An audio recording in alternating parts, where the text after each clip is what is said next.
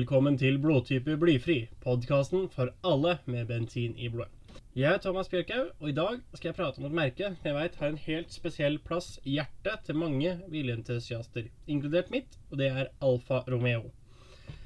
Det bør bli delt i to deler, så den første blir nå fra 19, starten i 1910 fram til slutten av andre verdenskrig. Og Firmaet ble starta den 24. juni 1910, og det fikk da navnet ALFA. Det sto for Anonima Lombarda Fabrica Automobile, som betyr AS Lombarda Bilfabrikk på norsk. Det ble da starta av italieneren Ugo Stella sammen med franskmannen Alexander Darac. Og de hadde arbeida sammen noen år tidligere med italiensk produksjon av Darac-biler. Men disse begynte å selge dårlig i 1909, og da leide de inn designer Giuseppe Merosi til å designe første modellen. Den fikk navnet 24 HP, og denne hadde en 4,1 liters motor på 42 hester. Og toppfarta er på rundt 100 km i timen. Denne ble produsert i fabrikken i Portello i Milano. Emblemet da det var ganske likt som i dag, med et rødt kors på hvit bakgrunn på venstre side, som er byvåpenet til Milano. Og på høyre side er det Biscione, som er en slange med en mann som kommer ut av munnen. Det her står for gjenfødsel. Mange tror det er en slange som spiser en mann, men det er altså feil. Det her er familievåpenet til Visconti-familien, som var den mektigste familien i Milano på denne tida. Og allerede i 1911 starter motorsporthistorien til Alfa. Da de deltar med to 24 HP i Targa Florio med sjåførene Francini og Ronzoni. Og i 1914 utvikler de en racingprototype til Grand Prix som fikk navnet 4060 GP. Denne hadde en firesylindra motor med doble overliggende kamaksler fire ventiler per sylinder og doble templugger. Det ble bare med denne prototypen pga. at første verdenskrig starta. I 1915 så ble selskapet tatt over av entreprenøren Nicola Romeo, som førte de over i produksjonen av militært utstyr, og produksjonen av biler stoppa. I 1919 starta de igjen opp med produksjonen av biler, og navnet ble da endra til Alfa Romeo. I 1920 startet de igjen med billøp. Og i 1923 da fikk sjåføren Ugo Sivocci nok av å havne på andreplass i løpet han deltok i. Han malte derfor en hvit firkant med en grønn firkløver for god lykke. Dette virka tilsynelatende, for han vant løpet Targa Florio med den nye Alfa Romeo RL Targa Florio. Og de to andre sjåførene fra Alfa som deltok i løpet, de havna på andre- og tredjeplass. Denne modellen den hadde en rekkesekser på 3 eller 3,2 liter, og de hadde 88 eller 95 hester. Toppfarten det var respektable 157 km i timen. Det ble bare produsert fem biler av disse, og bare én av de hadde trelitersmotoren. Dessverre så mistet Sivachi livet i en ulykke under testing av en annen løpsbil på Monza, hvor han kjørte uten firkløveren. Etter det her har alle Alfa Romeos løpsbiler, og de kraftigste utgavene av gatebilene, hatt den grønne firkløveren, eller quadrofolio verde, som det heter på italiensk, i en hvit trekant på bilen, for å minnes Ugo Sivachi og for at det betyr hell og lykke. Og En annen fører for Alfa Romeo på denne tida her, det var selveste Enzo Ferrari. Han deltok i mange løp, og ble etter hvert ganske involvert i utviklingen av løpsspillene, sammen med sjefsingeniør Vittorio Giano, som hadde arbeidet for Fiat før han begynte for Alfa Romeo. Sammen utvikla de flere fantastiske løpsbiler som vant løp over hele verden. En av disse var P2 Gran Premio, som var den første bilen Giano utviklet for Alfa Romeo i 1924. Den hadde en toppfart på hele 220 km i timen, noe som gatebiler ikke klarte før utpå 30-tallet. Så dette var rimelig imponerende. For å komme opp i denne farten, så hadde denne bilen en toliters rekkeåtter med doble kamaksler og kompressor. Den hadde en ytelse på 155 hester, og sammen med at bilen bare veide 750 kg, så vil jeg tro at dette var en rimelig spennende bil å sitte bak rattet på. Allerede i dens første konkurranse imponerte den med å sette ny verdensrekord på gjennomsnittsfart over 10 km med 195 km i timen. Og i 1925 vant den verdens første racingmesterskap med Gaston Brilli-Perry og Antonio Ascari bak rattet. Mot slutten av 20-tallet tok Nicola Romeo flere dårlige økonomiske valg som nesten førte til selskapets konkurs. Så styret krevde at han skulle sparkes som president for selskapet, men administrerende direktør Pascal, Pascal Gallo krevde at Romeo fikk beholde sin stilling. Til tross for dette så forlot Nicola Romeo Alfa Romeo i 1928, og selskapet sto uten president i flere år. Det viste seg også at unge herr Ferrari var bedre på lagledelse enn han var bak rattet. Så da fabrikklaget til Alfa Romeo ble privatisert i 1929, tok han over ledelsen med i det teamet som nå ble kalt Scuderia Ferrari. Og I 1930 kom den helt nye 6C1750 Grand Sport på markedet. Den var designet av Sagato og hadde en kompressormatet 1752 kubikks rekkesekser. Med doble kamaksler. Ytelsen den var på 102 hester, og toppfarten var 170 km i timen. Med denne her så vant det mange løp, deriblant fikk det første, andre og tredjeplass i Millimilia.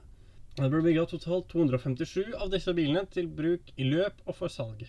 I 1931 så kom modellen 8C 2300 Tipo Le Mans. Som navnet tilsier, var dette en bil med åtte sylindere, 2,3 liters rekkemotor med 155 hester, som var designa for 24-timersløpet i Le Mans. Toppfarta var 200 km i timen, og dette ble den første italienske bilen til å vinne dette prestisjefylte løpet. Og Den vant også i 1932, 1933 og 1934. Det er altså fire år på rad. Det var også den første bilen som la tilbake over 3000 km i dette løpet. Det ble laget forskjellige utgaver av disse for gate- og løpsbruk, og den var designet av Vittorio Giano. Og I 1932 kom Giano med en ny løpsbil. Den fikk navnet Gran Premio Tipo BP3. Dette var Alfas første enseters løpsbil. Den hadde samme motor som 8C, og hadde differensialen plassert rett etter girkasse, med én mellomaksel ut til hvert bakhjul. Dette var for å minske overstyring, og den vant da mange løp. Men problemene med økonomien fortsatte, og i 1933 kjøpte den italienske regjeringen gjennom Instituttet for industriell rekonstruksjon opp Alfa Romeo og ansatte Ugo Gobato som ny direktør etter Nicola Romeos avskjed fem år tidligere. Økonomien for firmaet måtte reddes, og Ugo Gobato startet nedskjæringer på flere felt. Annet måtte Scuderia Ferrari ta i bruk eldre bilmodeller i stedet for den nyutviklede P3.